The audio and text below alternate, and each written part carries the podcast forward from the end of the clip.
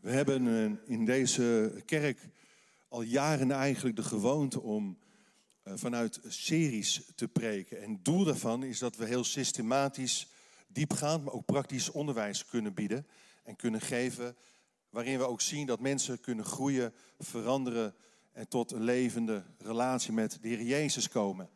En dat is altijd ons verlangen om mensen tot een levend geloof te zien komen, om mensen te zien vernieuwen, te zien veranderen door de kracht van Gods Woord en de Heilige Geest.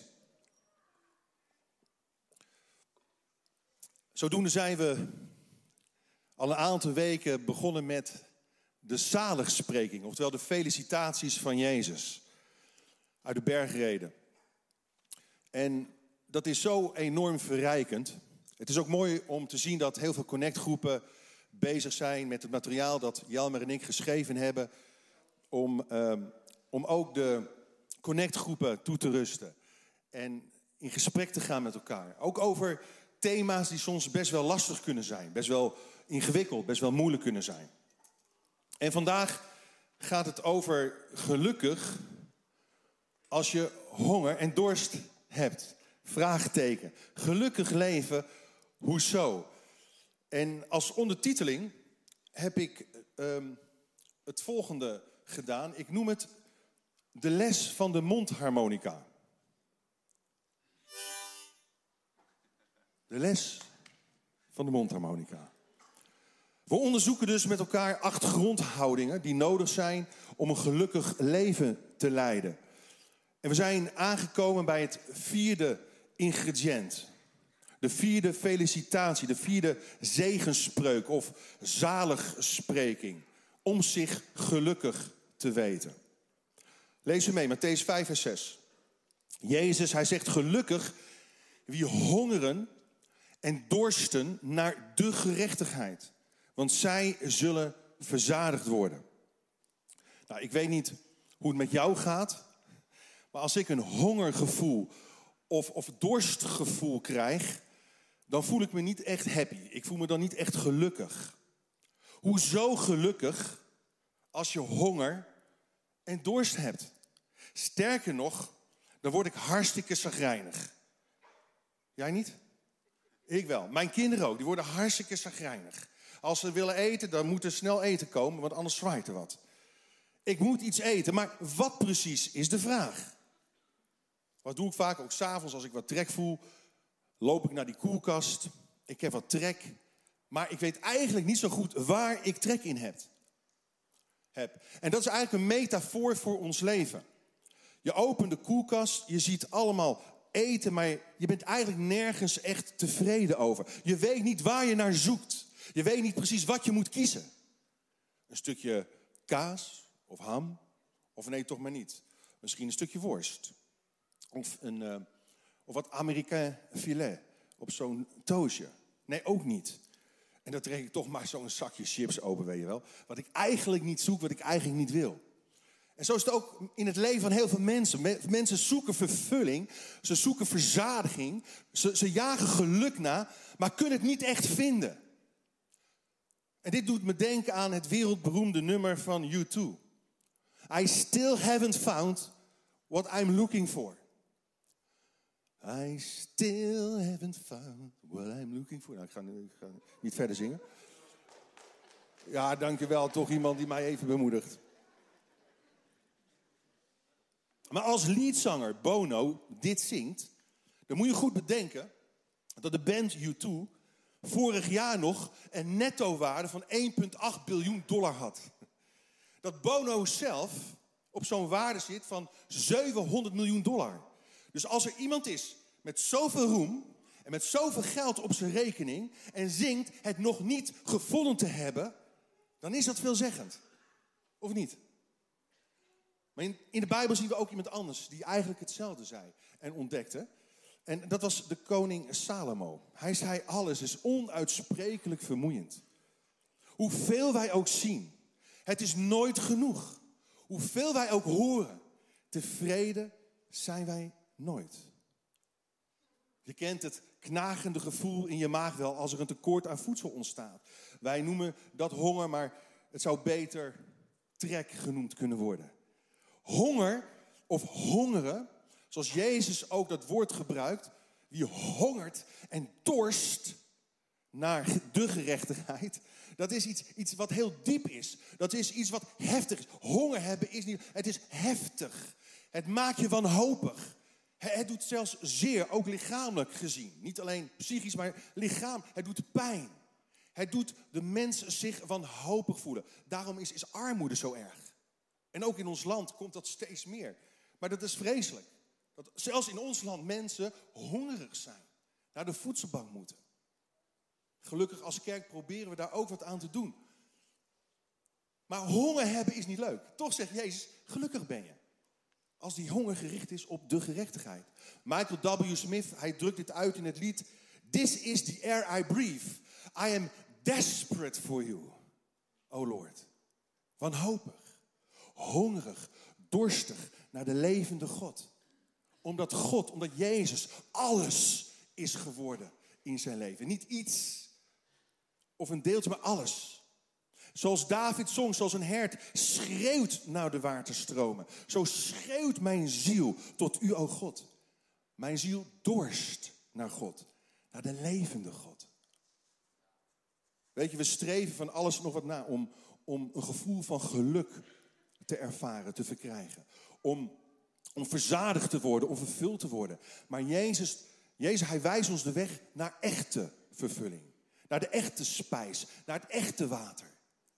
En, en, dat is dat we zijn gerechtigheid en zijn koninkrijk altijd blijven zoeken. En op de eerste plaats in ons leven zetten. En zijn gerechtigheid nastreven. Een hele mooie spreuk zegt dit, lees je mee. Wie rechtvaardigheid en trouw nastreeft, ontvangt leven, voorspoed en eer. En er zijn vanmorgen drie vragen die ik wil behandelen. Drie vragen. Waarom zijn er zoveel mensen onverzadigd of ontevreden? En zelfs ook christenen. Trouwens, Bono is een, is een christen. En als je dat lied, als de lyrics gaat bestuderen, dan kom je erachter. I still haven't found, ook al, ook al geloofde hij. I still. Dus ook christenen kunnen nog steeds dat onverzadigde gevoel hebben en koesteren. Dus waarom? En dan vervolgens, wat wordt precies bedoeld met gerechtigheid? Wat, wat verstaat Jezus hieronder? En hoe kun je echte, diepgaande verzadiging ervaren in je leven, in je hart, in je ziel? Dus allereerst, lees mee. Waarom zijn zoveel mensen onverzadigd? Moeder Teresa zei dat mensen in India misschien wel honger lijden, maar mensen in het Westen lijden emotionele honger. Weet je, heel ons leven wordt bepaald door de dingen waar ons hart naar uitgaat. Of het nu gaat om rijkdom, of het nu gaat om reputatie, of het nu gaat om intellectuele kennis. Datgene waar we in ons leven het meest naar verlangen, zal de koers van ons leven bepalen. Zal bepalen wat wij doen, wat wij denken, wat wij voelen. Iemand heeft eens dit gezegd. Het hart van elk probleem is het probleem in het hart van elk mens. En de vraag is, waarom zijn we op zoek naar blijvend geluk en vinden we het niet? I still haven't found. Waarom? En ik ben heel eerlijk, ik, ik ben nu in een fase, uh, ik ben 55 jaar dit jaar geworden. En ik worstel hier best wel mee. Soms, ik, ik, ik ben gezegend, God heeft ons gezegend met vier kinderen. Tuurlijk, we hebben ups en downs meegemaakt. We zijn door diepe dalen en van alles. We hebben mensen verloren die ons dierbaar zijn. Maar toch heb ik niks te klagen. En, en van binnen kan het toch weer dat knagend gevoel zijn. Maar Heer, is dit alles? Ik weet niet, ja, misschien is de menopauze, of hoe noem je dat? Zoiets? Menopauze, toch? Zit ik daarin? Weet ik niet. Oh, sorry, midlife crisis. Midlife.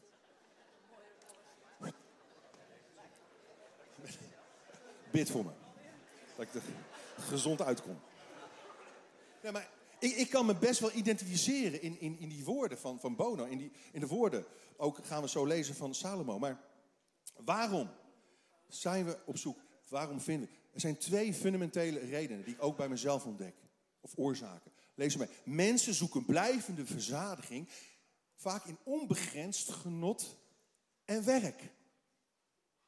We hangen onze identiteit daaraan vast. Vooral vaak aan ons werk, of niet? Laten we eerlijk zijn. Als ons verlangen boven alles naar aanzien uitgaat, gaan we alles doen om aandacht te krijgen. Soms ook negatieve aandacht. Als onze grootste begeerte uitgaat naar macht en controle, dan zullen we over andere mensen heen walsen om dat te verkrijgen. Als wij boven alles verlangen naar de gerechtigheid van God, dan, dan streven we ernaar om ons leven op Zijn wil, op Zijn karakter, op Zijn plan voor ons leven af te stemmen. En Gods belofte is dan deze. Terwijl de jacht op al die andere dingen ons alleen maar leegte en frustratie oplevert, zal ons jagen naar de gerechtigheid een vervuld, een verzadigd leven opleveren. Weet je, door anderen te zegenen, zegt de Bijbel, word je zelf, door te laven, word je zelf gelaten. Door te dienen, ontvang je. Door te geven, ontvang je. Door te helpen. Door te zijn voor anderen. Gerechtigheid betrachten. Op alle gebied. In ons land en in het buitenland. Dan word je verzadigd. Weet je, Salomo, de koning van Israël. In de tijd van grote welvaart zelf bekleed met pracht en praal, beschrijft zijn zoektocht als volgt. Het is een filosofisch boek. In het begin word je er wat depressief van, maar op een gegeven moment komt er gelukkig een mooi einde. Maar hij zegt, prediker 2 vers 10, laten we dat even rustig lezen. Prediker Salomo. Alles wat mijn ogen vroegen, heb ik ze gegund. Er waren toen geen Netflix-films, maar toch, hij van alles gezien. Elke vreugde die mijn hart verlangde, heb ik het gegeven. En ik genoot, ik genoot naar hartenlust van al het goede dat ik had verworven. Het was het loon voor mijn gezwoeg. Maar toen nam ik alles wat ik ondernomen had nog eens in ogenschouw. Alles wat mijn moeizaam gezwoeg me opgeleverd had. En ik zag in dat het allemaal maar lucht en najagen van wind was. Het had geen enkel nut onder de zon. Hij zegt niet dat, dat het verkeerd is om te ondernemen of zo. Dat het verkeerd is om ambities te hebben, om dromen te hebben. Nee, nee. Het is niet verkeerd om geld te willen verdienen. Dat zegt hij niet. Maar hij zegt dat als we daar onze echte vreugde, onze echte ware geluk in zoeken, dan zullen we bedrogen leeg uitkomen. Zijn slotsom is: geniet van het leven en gedenk je schepper. Wacht even. Dat gedenken van je schepper geeft namelijk de begrenzing aan. Of het kader waarin genieten ruimte biedt aan God om in je leven het goede uit te werken. Dus, mensen zoeken blijvende verzadiging. In genot, in werk. Mensen zoeken ook blijvende verzadiging in rijkdom en in aanzien. Zo komen we ook iemand in de Bijbel tegen en zijn naam is Mozes. Mozes was iemand die doorhad dat rijkdom niet blijvend van aard is. Mozes had zijn blik niet op het tijdelijke, maar op het eeuwige gericht. Wat is de focus van je leven? Daar gaat het nogmaals om. In Hebreeën 11, vers 25, lees mee, zegt, de schrijver uit de Hebreeënbrief dit. Mozes wilde liever met het volk van God slecht behandeld worden dan tijdelijk tijdelijk genieten van de zonde. En laten we eerlijk zijn, je kunt genieten van de zonde. Zonde is fijn, toch? Lekker doen wat niet mag. Van alles en nog wat. Maar het is tijdelijk. Hij vond, Mozes, hij koos, hij vond het lijden voor Christus meer waard dan al de rijkdom van Egypte. Hij koos met andere woorden voor Gods plan. Voor Gods wil voor zijn leven. Gods doel voor zijn leven. Niet voor de kortstondigheid van grenzeloos genot en rijkdom. En we leren in deze verse de waarde van relativeren. Weet je, een cabaretier zei eens dit. Geld kan praten. Geld kan praten. En het mijne zegt voortdurend, goedendag en tot nooit meer ziens. Weet je, velen, zegt Salomo, willen al maar meer bezit. Spreuken 21, vers 26. Maar de rechtvaardige geeft met gulle hand. Met open hand. En weet je wat je ook bereikt? Aan wie laat je het na? Je mag ambities nogmaals hebben. Je mag ondernemen, dromen. Maar het resultaat, als dat alleen maar grote onrust en leegte is in je leven, wat heb je eraan? De Heere Jezus, hij zei tegen zijn discipelen, tegen jou en mij, wat hebt u eraan de hele wereld te winnen en uw leven te verspelen? Wat is u meer waard dan uw leven. Nu dan, wat bedoelt Jezus precies ten tweede met gerechtigheid? Lees mee. Wat bedoelt Jezus met gerechtigheid? Dat is natuurlijk nu het centrale, ehm, de, centrale, de hoofdgedachte, het centrale thema in deze prediking. De gerechtigheid. Hongeren door ze naar de gerechtigheid. Nou, het begrip rechtvaardig, de meesten ons weten dat wel, onder ons, is een door, een door Bijbels woord. Meer dan 2000 keer wordt er naar verwezen in de Bijbel. God is rechtvaardig. Het houdt in dat je op God kunt bouwen, dat je op Hem kunt rekenen. Recht is namelijk het tegenovergestelde van wat krom, bochtig, bochtig of kronkelig is.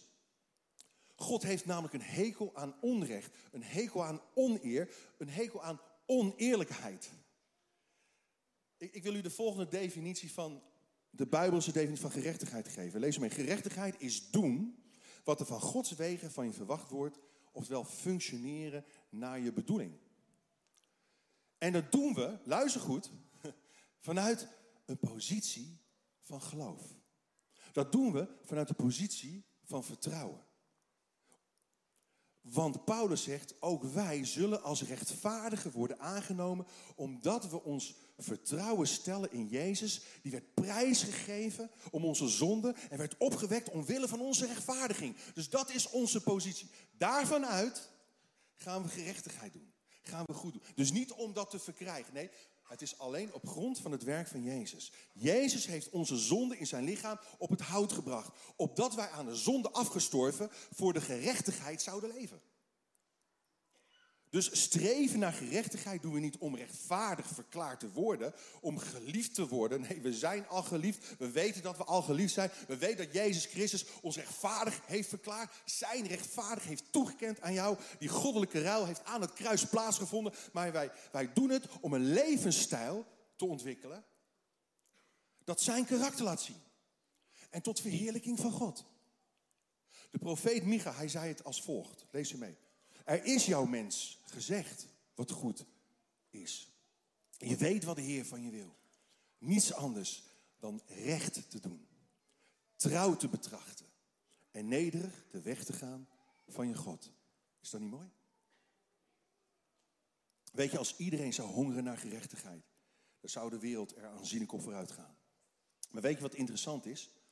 Aan de samenstelling van deze zaligspreking in de grondtekst Weet je, meestal zei men, ik heb honger naar een brood. Ik heb dorst naar een water. Dus een beetje, niet het geheel. Maar nu verwijst de honger en dorst in het Grieks naar het geheel. Niet naar een gedeelte van het onderwerp. Dus honger en dorst naar de hele gerechtigheid. De totale, complete gerechtigheid die Jezus kan brengen en zijn koninkrijk op aarde. En dit is iets wat mensen zelden doen. Ja, we willen wel een beetje van God. Een stukje, een gedeelte. En mensen prijzen zichzelf gelukkig met een beetje gerechtigheid. Maar Jezus zegt dat je niet uit moet zijn op een gedeeltelijke, een halve waarheid. Weet je, een halve gerechtigheid. Nee, je moet gaan voor de volle 100%. Niet mondjesmaat.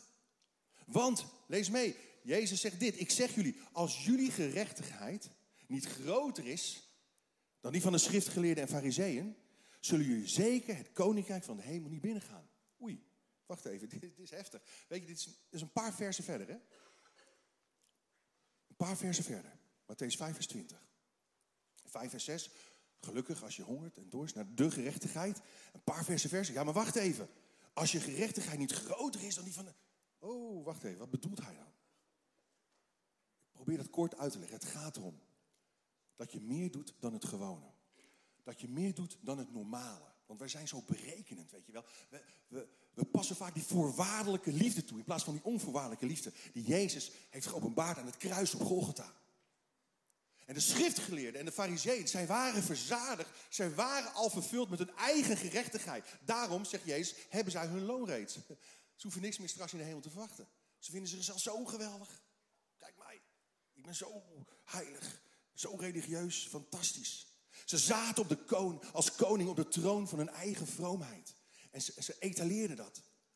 Maar Jezus, hij preekte een gerechtigheid waarin God op de troon van je hart komt te zitten.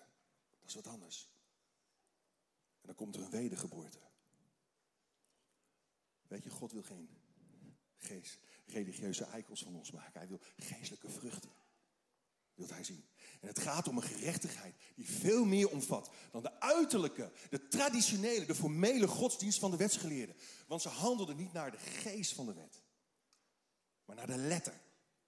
De letter. Het letter. En dat veroordelende.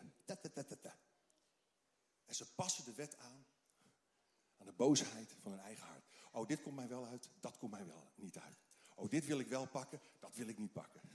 Nee, de hele gerechtigheid. Dan ten derde, tot slot.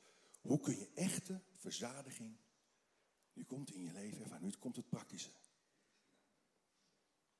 Hoe kun je dat nu ervaren? Want ik denk dat heel veel mensen een ervaring met de levende God nodig hebben. Ook hier. Ik ook. Ik, ik heb eigenlijk elke dag die ervaring. Ik wil, ik wil elke dag die tegenwoordigheid van God voelen, ervaren. Ik heb dat nodig. En, en dat mag. Het, weet je, het christendom is niet alleen maar iets met, wat, wat je met je hoofd bedrijft. Het is vanuit je hart, vanuit je binnenste. Het is die relatie, die vertrouwelijke omgang met God. Hoe kun je echte verzadiging? Allereerst, erken de dieper liggende honger in je leven. Vraag waarom? Waarom ben ik niet verzadigd? Waarom voel ik me niet vervuld? Erken er is een dieper liggende honger. Ga dat onderzoeken. In Deuteronomie 8, vers 3, er staat, u hebt zijn macht leren kennen. Hij liet u honger lijden, gaf u toen honger lijden. Maar hij gaf u toen manna te eten, manna, brood. Zo maakt hij u duidelijk dat de mens niet leeft van brood alleen, maar van alles wat de mond van de Heer voortbrengt. Met andere woorden, de mens, wij allemaal, hebben de woorden van God nodig om onze geestelijke honger te kunnen stillen. Onze geestelijke dorst te kunnen stillen. Want in ieder mens bestaat er een honger en een dorst die alleen God zelf kan vullen en stillen. Trek hebben is niet genoeg. Honger naar God. Honger om Hem te zoeken. Honger om door Hem aangeraakt te worden. Honger om door Hem vervuld te worden. Weet je, Jeremia, hij bracht in zijn generatie een boodschap die wist wie, wie God was. Een volk dat wist wat God voor hen gedaan had. Toch bleven ze het zoeken in allerlei afgoden. En, en vervingen ze de relatie en het verbond met de levende God met, met, met, met afgoderij, met stenen en houten beelden. Met dit als resultaat, lees mee. Jeremia 2, vers 12. Wees zeer ontsteld, spreekt de Heer. Want mijn volk heeft een dubbel kwaad gedaan. Mij de bron van levend water hebben zij verlaten om zich bakken uit te houden. Bakken uit te hakken, lekkende bakken. Die geen water houden. Let op, ze hadden toegang tot de bron van levend water. Toch gaven zij de voorkeur aan kapotte regentonnen. Waaruit het water dat zij zo nodig hadden weglekte. Weet je, en soms weten we de weg. We weten wat we moeten doen. Maar we proberen zelf bakken uit te hakken. Lekkende zelfhulpmiddelen. Lekkende bakken van materialisme. Lekkende bakken van pornografie. Lekkende bakken van valse religie. Bakken die ons geluk niet kunnen vasthouden. Die onze vreugde niet kunnen vasthouden. Onze dorst, onze honger naar God niet kunnen lessen. En de uitnodiging van God naar jou en mij is: kom naar mij toe. Ik ben die bron. Ik ben die springader van leven. Stromen van levend water zullen uit je binnenste vloeien als je in mij gelooft en mij volgt. En dan vervolgens stop te investeren in onvruchtbare zaken. Stop te investeren in dat wat niks oplevert.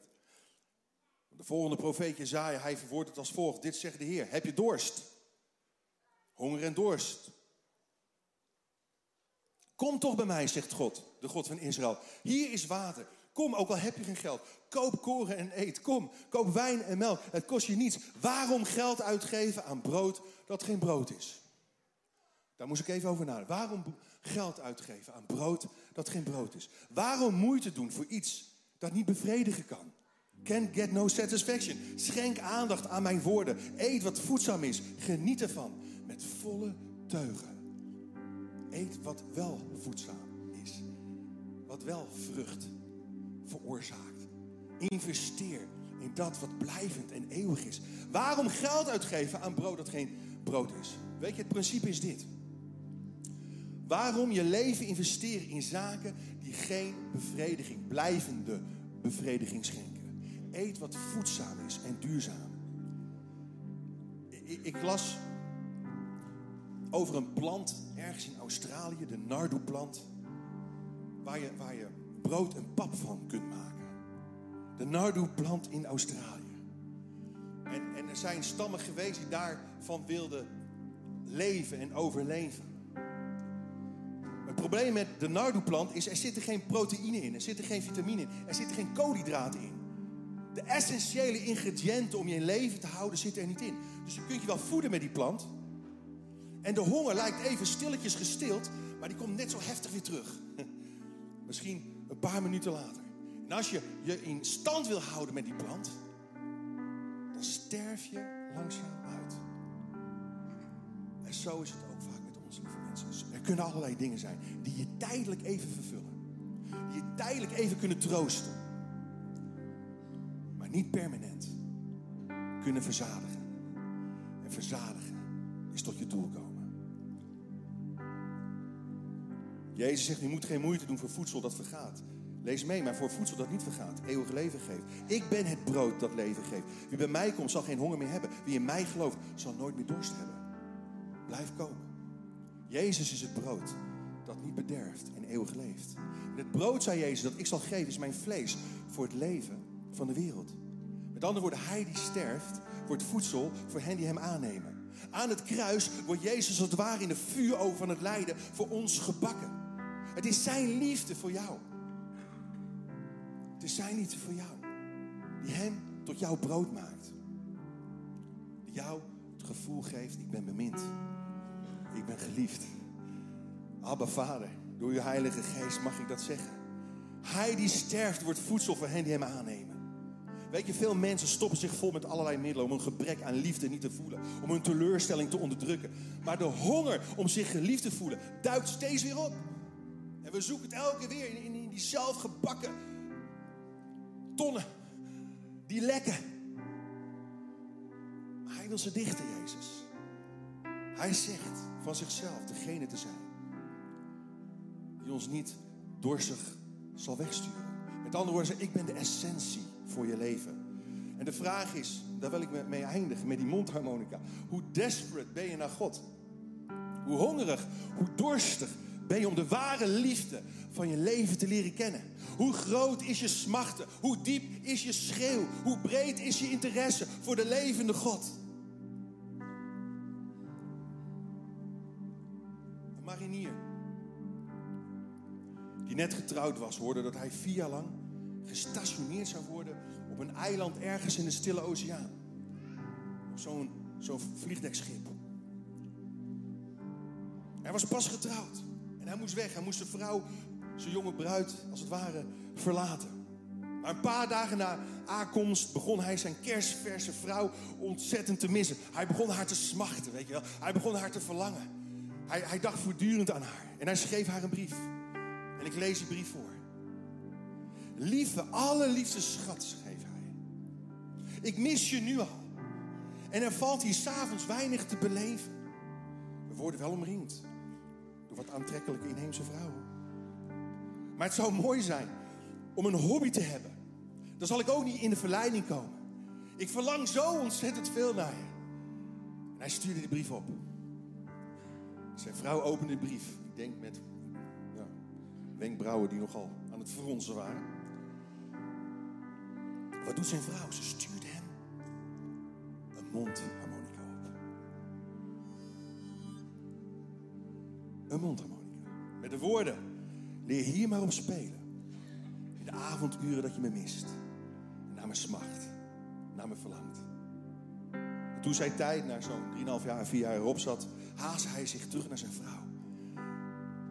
En hij zag haar en hij zei: Schat, wat heb ik naar je verlangd? Wat heb ik naar je gehongerd? Wat heb ik naar je gesmacht? Hij wilde haar omhelzen, maar ze duwde hem terug. Hij wilde haar zoenen. Nee, nee, nee, nee, nee, wacht, wacht, wacht. Ze zei, laat eerst maar eens een stukje mondharmonica horen. Laat eerst maar eens een stukje mondharmonica horen. En hoe moet het geklonken hebben?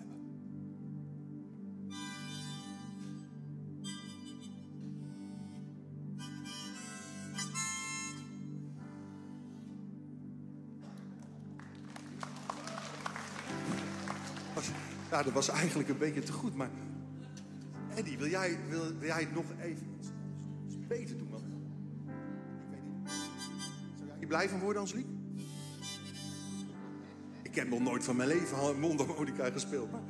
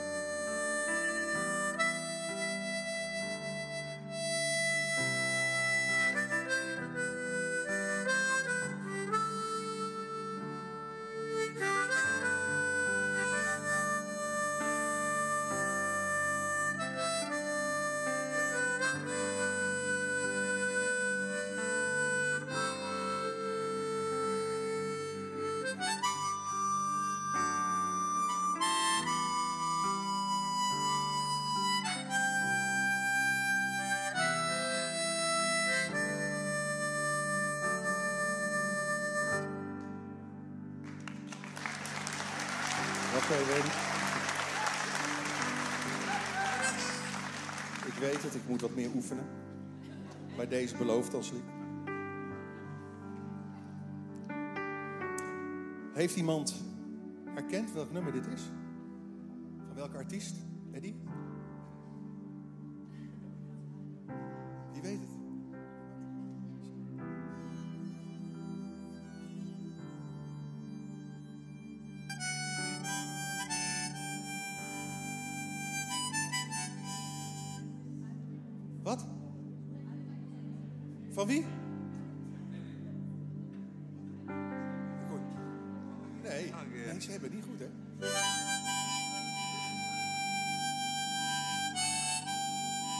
Misschien?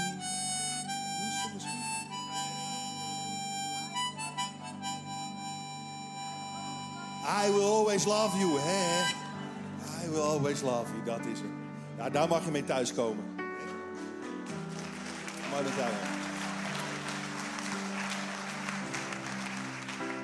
Maar nu even naar de afronding, hè? Want ik wil nog. Ja, oké. Je bent nog niet van me af. Wat kreeg zij te horen? Luister, de toepassing. Welke melodie bewijst hoe hongerig en verlangend hij naar zijn vrouw is geweest? Wat voor melodie laat jij horen? Wat voor geluid laat jij horen? Smacht je, verlang je echt naar God? En de vraag is in hoeverre is dat hoorbaar? In hoeverre is dat zichtbaar?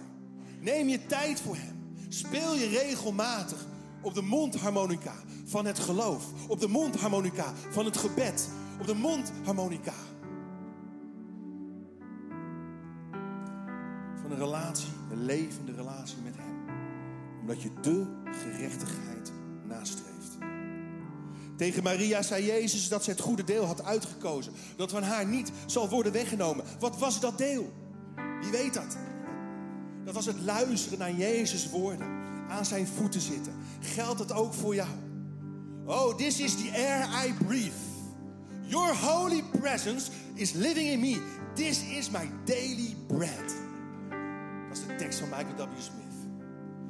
Zullen gaan staan, heel snel. Dat gaan zingen, dat gaan uitroepen. Ik kan wel een uitnodiging gaan doen.